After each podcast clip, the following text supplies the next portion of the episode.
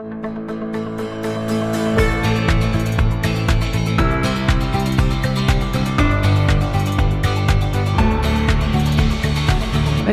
til Sirkuler, AFA Norges podkast om sirkulær økonomi og resirkulerte råvarer. Temaet for i dag er digitalisering. Dette er et hot tema, og særlig akkurat nå, hvor på kort tid alle har blitt tvunget til å bli mer digitale.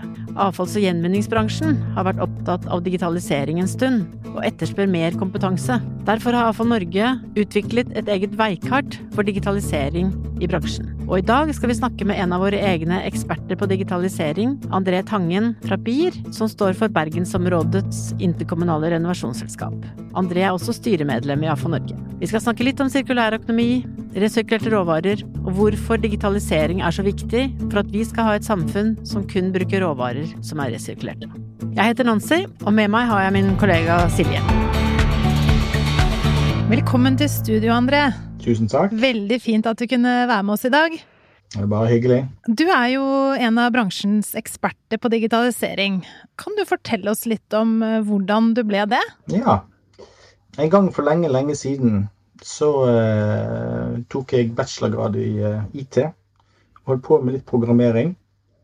Jeg timet det slik at jeg var tilbake igjen i Norge eh, etter studiene akkurat når IT-boblen sprakk. Eh, så da måtte vi finne på noe annet. Da var jeg tilbake til skolebenken med, med, med en MBA, altså med forretningsmessig fokus. Og da jeg kom tilbake igjen, så begynte jeg en periode på ti år i oljebransjen. Mm, jeg har jo ikke fått bruk for kodeegenskaper, heldigvis, eh, siden, eh, siden, jeg holdt på med det. Eh, men det har gitt en, en, fin innsikt i de grunnleggende begrepene og grunnleggende strukturen og systemforståelse hva IT kan gjøre, og hva det ikke kan gjøre. Og hva som er vanskelig, og hva som ikke er vanskelig. Um, og så må du interessere deg for, for forretning, da.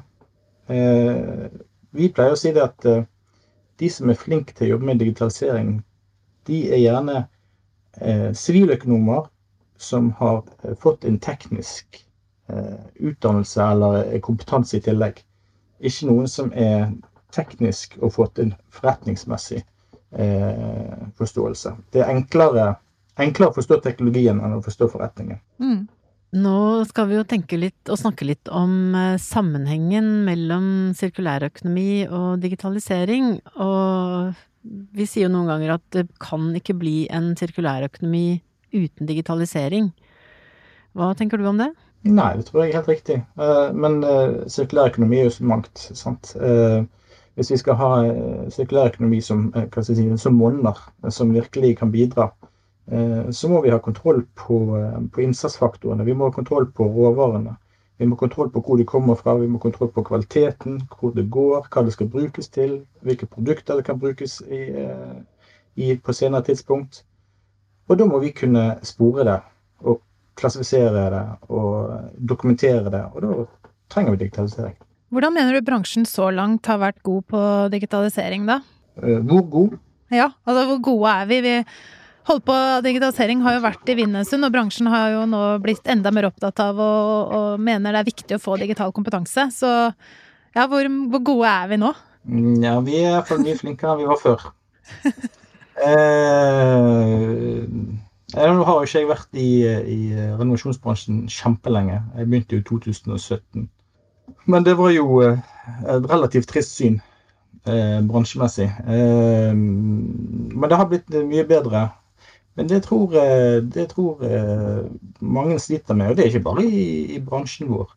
Det er dette skillet mellom altså, altså hva man ligger i digitalisering. Eh, hvis man tenker på digitalisering som strøm på papir og automatisering av noen arbeidsprosesser eller noe sånt, så har det blitt gjort en del bra. Men hvis du tenker på digitalisering som å endre forretningsmodeller, og som på en måte primærdriver, og ta konsekvensen av det, så har vi ikke kommet langt. Mm. Ser du et uh, potensial her? Altså, jeg tror det er kanskje også litt forskjell på de ulike delene av de som jobber med avfall og gjenvinning. Um, har vi et potensial? Ja, vi har et kjempestort potensial. Altså, Norge har en del fordeler. Sant? Vi er et lite land, vi er et oversiktlig land, vi er et regulert land. Vi har lover og regler. Vi har stor digital modenhet. Eh, alt ligger til rette for at vi kan være ledende innenfor eh, i bransjen eh, og innenfor sirkulærøkonomi hvor digitalisering støtter. Da tenker jeg heller at det er mer på ambisjonsnivået og føringene og målene som blir satt, og den støtten som vi får for å oppnå dette. Ja, nå er vi jo inne i en situasjon og en periode, altså med koronasituasjonen, som har pusha ja, hele samfunnet og hele verden for så vidt, og spesielt også bransjen i, i å bli mer digitale, da. Eh, mm. Hvordan tenker du at dette har påvirka bransjen, og, og, hvordan vil det påvirke oss videre? Nei, så Generelt sett sant, så er jo det Her rammer jo det veldig ulikt eh, på de ulike bransjene. Men det er vel en del bransjer eh, sånn generelt eh, som nå virkelig får eh, syretestet forretningsmodellen sin. Sant? Altså retail og, og den type ting. Der er det jo en del konkurser allerede blant store aktører. Eh, det var kanskje måtte, bare en katalysator for det som ville kommet før eller siden uansett. Um, og for, uh, for, vår bransje, ja, det hjelper på den måten at det får virkelig stadfestet hvor kritisk vår bransje er sam, i, samfunnskritisk. Mm. Håndtering av råvarene, håndtering av avfall. Eh, og det tror, jeg, eh, det tror, jeg, kan hjelpe oss eh, litt på sikt med å få øke forståelsen av viktigheten av, av, bransjen. Utover det så håper jeg det at det kommer til å sette spor i forhold til effektivitet. hvordan vi bruker digitale verktøy. Vi må, vi må, bruke digitale verktøy. Hvis vi faller tilbake igjen på det gamle, så, så går, vi av, går, vi, går vi glipp av en del muligheter men jeg tror heller at hvis vi ser f.eks. Til, til disse store kjedene som holder på å gå konkurs, eller andre bransjer som, eh, som, eh, som, sliter, så kanskje vi skulle tenkt litt på hva vi kan lære av det. Og da tenker jeg spesielt på det offentlige, som er ganske eh, skjermet i denne situasjonen. Mm. ja. Altså, kundereise har jo vært et, et begrep som har, har kommet for full fart inn i mange bransjer. Og det er kanskje et, eh, et, eh, viktig begrep når vi som jobber med avfall eh, skal tenke på hvordan vi skal utvikle oss videre? Ja. Det som er interessant med kundebegrepet, det er det at kunden bryr seg ikke hvordan du er organisert. Kunden bryr seg ikke om hvilke roller som måtte være der. Kunden bryr seg ikke noe som foregår på innsiden av eh, selskapet. Og det betyr at hvis selskapene skal ta kundebehovet på alvor, så må de legge til side opparbeidede strukturer og siloer, organisering osv. Og, og se på hvordan man kan best mulig ivareta kundebehovet. Og så vil det avlede en ny struktur, en ny organisering. Ellers så er det liksom eh, gjør det veldig vanskelig for deg å si at ja, vi skal ta kunden på alvor, men kunden hensyn til først hvordan vi er organisert og så skal vi gjøre det beste ut av det. Altså, eh, hvis du går til en eh, Nå er jo eh, de fleste banktjenester eh, høyst automatisert. Hvis du kan tenke deg at hvis en, eh, en bank eh, sier ja, vi skal digitalisere, vi skal, ta, vi skal, ha kunden i fokus, men vi vil ikke legge ned noen filialer, og kundene skal bli behandlet og, og få service i filialene. Men når de kommer til filialen, så får de kjempegod service, og masse der er automatisert. Det, det er en litt annen inngang enn å si at OK, hvordan kan vi sette kunden i fokus? Jo, kunden ønsker å kunne gjøre mest mulig selvbetjent hjemmefra eh, på farten osv. Og, mm. og der eh, har vi mye å gå på. Men André, kanskje du kunne si litt om uh, hva dere har gjort i, i BIR, i bergensområdet. Um, hvilke eksempler har du fra din egen uh, arbeidshverdag? Ja, altså vi, uh, vi kan egentlig gjøre det så enkelt som at det viktigste BIR gjorde innenfor digitalisering, det gjorde BIR for over ti år siden. Og det var å begynne å samle data.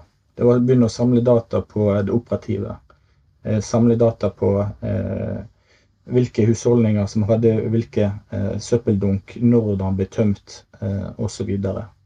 Og på, på, på basis av den dataen så har man kunnet gjort kjempemye spennende arbeid.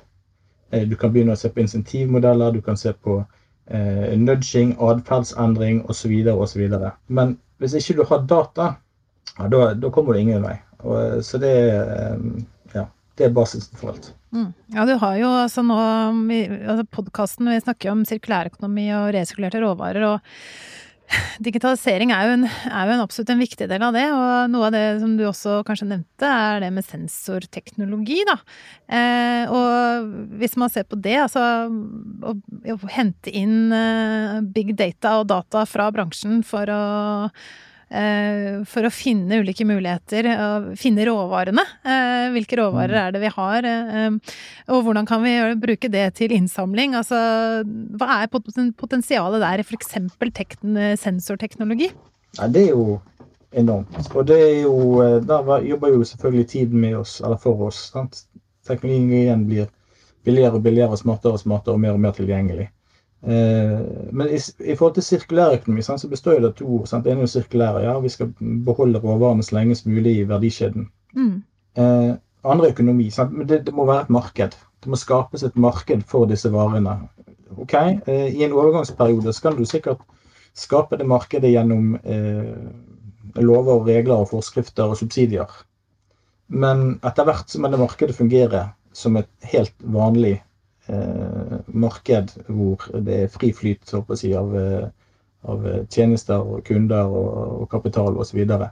Eh, så, så det, det, er viktig at vi legger til rette og tenker på å skape et marked for sirkulære råvarer. Og hvordan, hvordan, vi kan bidra til å gjøre det. Og der tror jeg, jeg tror vi har mye å hente på å, å snakke med, med myndigheter og, og, og, samarbeid med andre aktører i bransjen. For, for sirkulær økonomi, ifølge EUs definisjon, så er det sektorovergripende.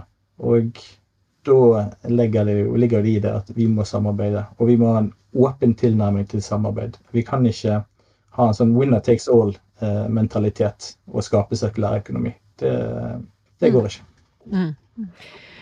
Vi Mm, starte denne podkasten med å si at sirkulærøkonomi er en økonomi hvor ressursene går i en evig runddans. Så hvordan kan vi bruke digitalisering for eh, å, å virkeliggjøre det? Den evige runddansen? Ja, nå er det vel eh, Metall kan kanskje ha en evig runddans, men det er vel de færreste råvarer ellers som kan ha en evig runddans. Noe kommer til å gå ut til slutt. Men, ja. eh, men i best mulig grad Nei, det er uh, ved å uh, se, på, se på hvordan det fungerer i dag, helt ordinære, jomfruelige råvarer. Hva, hva, skjer med jomfruelige råvarer? Jo, de blir dokumentert.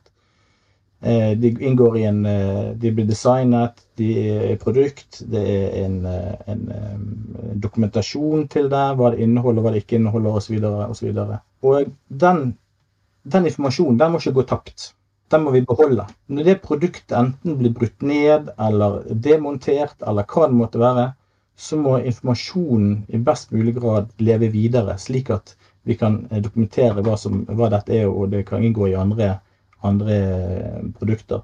Ellers så blir det minste felles multiplum. Her er det en eh, container med et eller annet. Det er sikkert verdi her, men vi kan ikke dokumentere det. Ja, ok, da, da brukes det til fjernvarme, eller det brukes til uh, et eller annet som måtte ikke får ut den verdien som, som, ligger der potensielt. Digitalisering vil være helt avgjørende for å ha kontroll på det. Ja. Hvordan kan vi samle all dataen, da? Altså, det høres jo så enkelt ut. er, det noe, er, det noen måte det er enkelt Altså, dette er helt sikkert noe veldig mange virksomheter eh, tenker på. Hvordan kan vi samle dataene? Eh, hvor skal det ligge? Hva skal vi gjøre? Har du noen tips? Ja, nå er jo vi så heldige at uh, vi har jo noe som uh, heter Sky. Mm. Og Der kan vi putte enorme mengder data. Uh, så sånn lagring og sånn er ikke, ikke et sånt stort problem som det var tidligere. Problemet er vel det at det som noen kaller datalake, altså enorme mengder med data i f.eks. skyen, kan fort bli en datasump. fordi at hvis, hvis dataen er dårlig, hvis ikke du har kontroll på kvaliteten på dataen, eh, så kan du ikke bruke den til noe. Så eh, mitt første råd der vil være det at sørg for at den dataen du faktisk samler inn, er av kvalitet. Og når vi begynte å gjøre det i, i visse prosjekter, så viste det seg at mye av dataen var Vi kunne ikke bruke den. Men da fikk jo Eh, da fikk jo selskapet, eller de som skulle bruke den dataen, de fikk jo et insentiv til faktisk å gjøre noe med, med, med datakvaliteten. Sant? Så viste det seg at ja, nei, det var prosedyrer som ikke ble fulgt, eller rutiner. eller eh, Folk gjorde ikke det som de eh, skulle, for det var jo ingen som etterspurte denne dataen. Og ingen som brukte denne dataen til noe. Mm.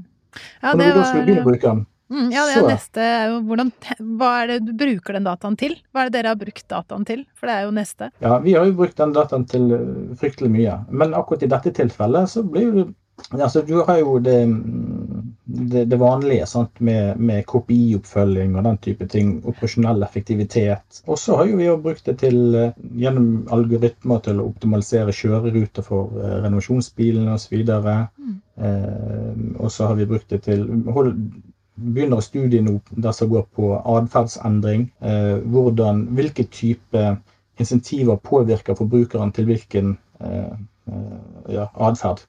Med det formål å øke gjenvinningsgraden så, så, mye som mulig. Så det er mye man kan bruke den til. Men du vil sikkert, eller mange vil oppleve en utfordring dermed for det første at hvem eier denne dataen i bedriften? At det er noen som, det er noen som trenger den, men de eier den ikke. Og da vil du gjerne få en utfordring med at uh, de som eier den, uh, ikke er interessert i å bruke penger på å forbedre kvaliteten, f.eks. Uh, det er det ene. Og du vil òg uh, sikkert oppleve det at hvis du ser på prosjekt på prosjektbasis, for selve prosjektet så vil det kanskje være vanskelig å, få en kost-nytte kost-nytte-balanse for å hente ut den data man ønsker. Men for bedriften som en helhet, så vil det være verdifullt. Enten i, morgen, enten i dag eller i morgen eller på sikt. Men på, på, for selve prosjektet så kan det være, kanskje være vanskelig å regne igjen. Så det der også eh, å tilnærme seg den datadelingen og datatilgjengeliggjøringen på en annen måte enn tidligere, det, det tror jeg òg er noe man må tenke på. Ja, altså eh, jeg tenker mange ganger at eh, det spesielle med avfalls- og gjenvinningsbransjen er at vi har kunder i to retninger. Vi har kundene som er innbyggerne og bedriftene som skal kildesortere og levere videre avfall på en sånn måte at vi kan bruke det. Men vi har jo også kunder, og det er jo industrien i den andre enden, som skal bruke det som vi klarer å, å hente ut av resirkulerte materialer. Og hvordan klarer vi å tenke at vi skal overføre data gjennom alle disse leddene? Fordi eh, hvis hvert ledd blir gode hver for seg, men eh, vi ikke klarer å utnytte dataene gjennom hele denne kjeden, mm. så lykkes vi ikke med en digital sirkulærøkonomi, i hvert fall. Nei, sant. det er jo forskjell mellom operasjonell effektivitet og sirkulær sirkulærøkonomi eller eh, verdikjedeutvikling. Eh, hvordan vi skal dele den dataen. Det finnes mange måter å dele data på, men det må være til bunnen så må det ligge et behov og et ønske og en tillit om å dele mm. denne dataen. Eh, og hvis det er slik at eh, ingen ønsker å dele data hvis ikke de får en krone i lommen med en gang, så blir det trått. Det må være stor grad av tillitsbasert basert at vi skal få til noe felles beste. Vi skal gjøre kaken større. Og, eh, så blir kanskje ditt kakestykke litt mindre i den eh, nye økonomien. Men kaken skal bli større, og det skal være en sirkulær økonomisk kake. Så, så, teknisk så er det Teknisk er det ikke stort problem. men Problemet er nok heller dagens kanskje forretningsmodeller, lineære tankegang og mangel av tillit på utveksling av data. Ja, nå, nå har vi snakket om eh, vært alt oppe det høye med sirkulærøkonomi og gått ned i bruk av data og sånn, men eh, Og det er jo altså folk, eh, bransjen jobber forskjellig med digitalisering. Eh, noen er veldig modne, og noen er eh, mindre modne, og kanskje ikke vet helt hva de skal gjøre, og hvordan de skal begynne med digitalisering. Så hvis det er noen som sitter nå og hører på og tenker jeg har lyst til å starte med digitalisering i morgen, har du noen sånne tre stalltips til hva de bør tenke på da? Ja, begynn i det små, i hvert fall. Det er noe sikkert det er visst. Eh, begynn med noe som kan levere verdi relativt fort. Sant? Så eh, man Forhåpentligvis så har man noe data allerede eh, som man kan ta utgangspunkt i. Eh, og det som ligger ofte nærmest hjertet til folk, det er jo det operasjonelle effektivitet. Mm. Så har du, har du noen data som du kan bruke til operasjonell effektivitet, KPI-oppfølging eh, osv., så, videre, så begynn gjerne der. Eh, men hvis du skal virkelig, hvis, skal, hvis, vi skal snakke om digital transformasjon og sånn, så kreves det, kreves det en kulturendring i de fleste bedrifter. Hvis man skal ta det på alvor og si det at dette fører til endring. Mm dette, dette, kommer til å utfordre eh, selskapet vårt, dette kommer til å utfordre strukturen vår, dette kommer til å utfordre organisasjonen. Hvis ikke du er eh, klar til å ta den utfordringen, så vil du holde på med eh, strømpe og papir veldig lenge. Mm. Så det må sildre ned, og det må skapes en endring i organisasjonen, rett og slett. Og initiativet må komme fra ledelse, og så må det ut til alle medarbeidere. Og lage litt tiltaksplaner og Ja, det, det må forankres på toppen. Mm. Det, det, må det absolutt. Det er mm, et veldig godt poeng. Mm.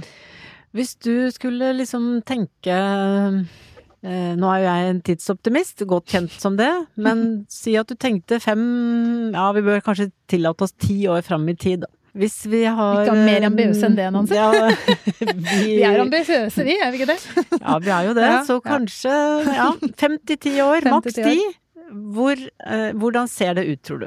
Nei, Fem til ti år, da eh, tenker jeg at eh, det er de færreste som Eller færre og færre iallfall, som tenker på renovasjonsbransjen som avfallsselskaper. At da er det råvarer vi snakker om. Da er det råvareselskaper. Eh, vi har begynt å få på plass en del eh, velfungerende markeder eh, for i god sirkulær økonomisk ånd. Og vi har kanskje tatt en ledende posisjon innenfor visse segmenter. På verdensbasis, gjerne. Jeg mener jo det at Norden har alle forutsetninger, hvis vi går sammen og samarbeider om å lage, lage veldig gode løsninger som, eh, som vi kan være si, utstillingsvindu for. Men vi må huske at vi er veldig bortskjemt. Vi er veldig heldige eh, med de forutsetningene vi har i Norge og Norden, kontra de aller, aller, aller fleste stedene i verden. Men eh, ja, vi kan iallfall gjøre vårt. Og innenfor ti år skal vi iallfall kunne gjøre det. Det syns jeg høres uh, veldig lovende ut. Mm. Men André Tangen, tusen takk for at uh, du kom til Sirkuler. AFA Norges podkast om eh, sirkulærøkonomi og resirkulerte råvarer. Ja, takk for at jeg fikk komme. Denne podkasten ble levert til deg fra AFA Norge i samarbeid med Soundtank. Ja, takk til alle som eh, hørte på. Og er dere interessert i mer om sirkulærøkonomi, så kan dere gå på AFA Norges nettsider, afanorge.no. Tusen takk for i dag. Ha det bra!